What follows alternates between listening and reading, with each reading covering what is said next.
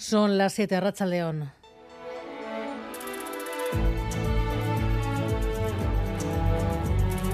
Gambara con Arancha García.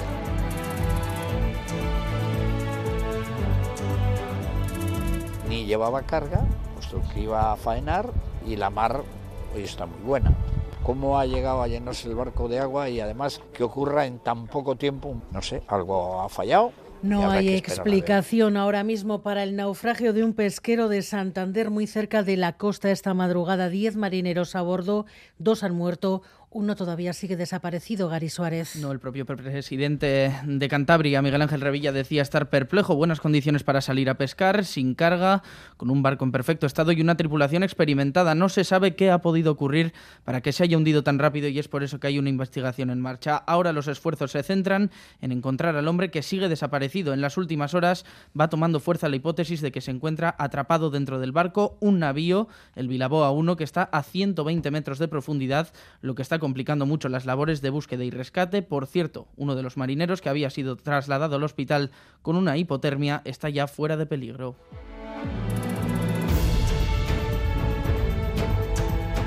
Por primera vez en tres años no hay pacientes con COVID en las OPSI de Osakidecha.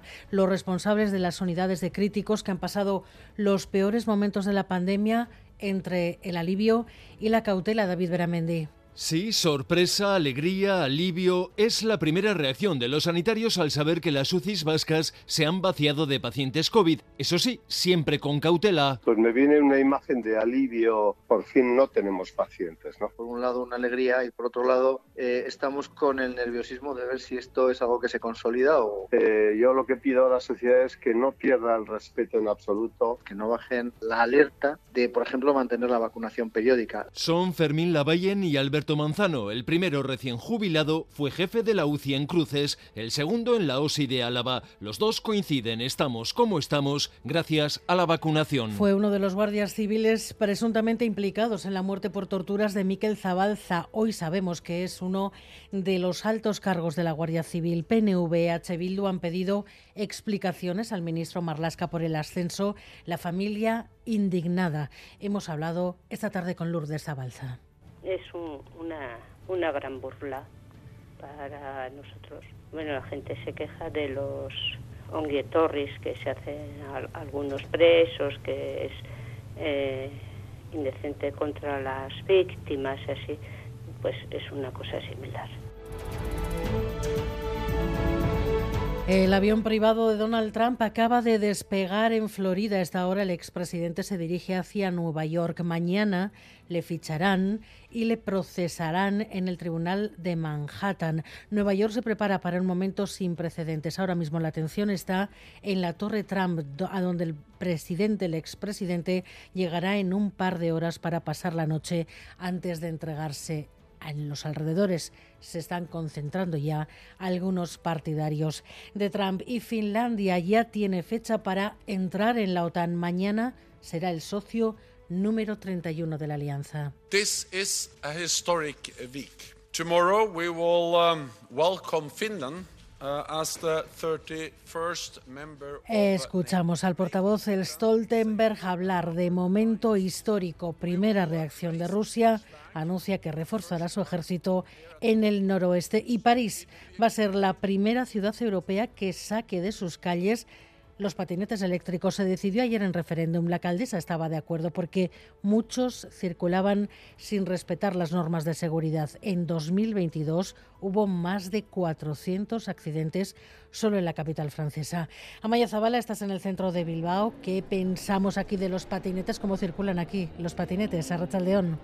A León sí, nos encontramos en la Gran Vía de Bilbao, una de las calles más concurridas de la ciudad. Y en el tiempo que llevamos aquí sí que hemos visto algún que otro patinete eléctrico, eso sí, todos ellos circulando por la carretera. Y también hemos visto a alguno que se ha bajado del patinete para ir por la acera.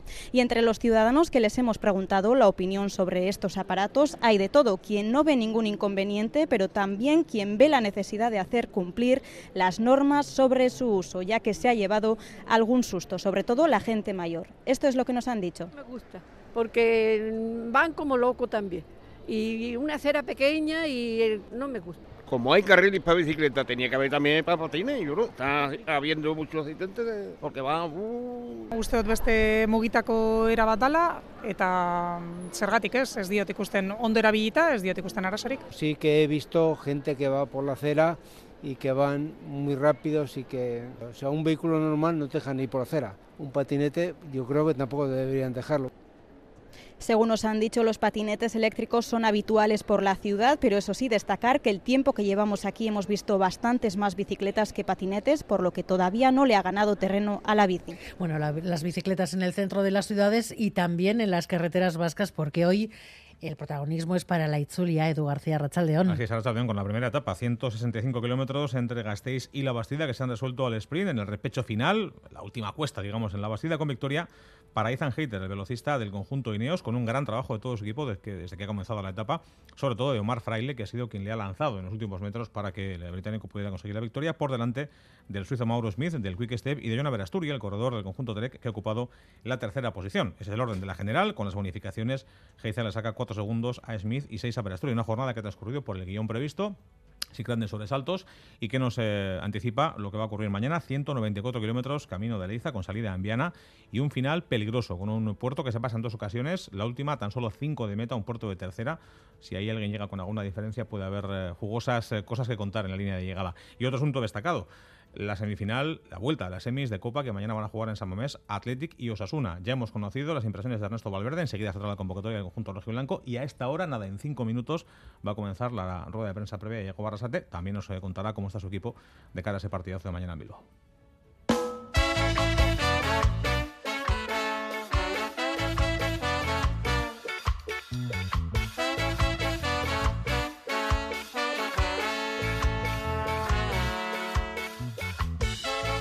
Pues sí, mañana es el día, la vuelta en San Mamés de ese duelo Atlético Sasuna por la final de Copa. Hoy lo que se ha anunciado, lo que es noticia, es el lugar en el que se va a ubicar la estatua en homenaje a Iríbar ante San Mamés y Manuel Manterola.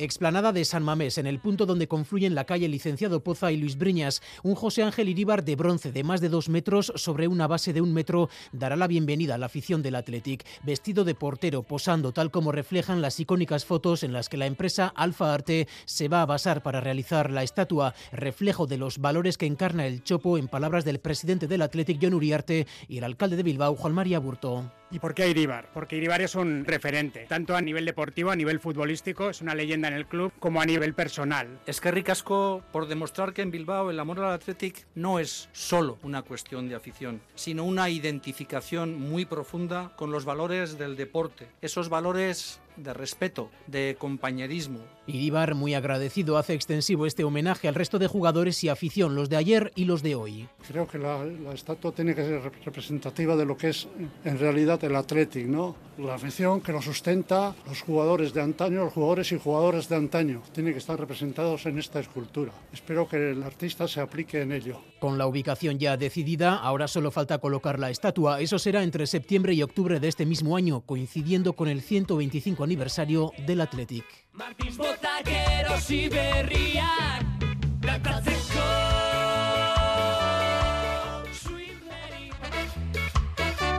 Miguel Ortiz y Paula Asensio están en la dirección técnica, Cristina Vázquez en la producción.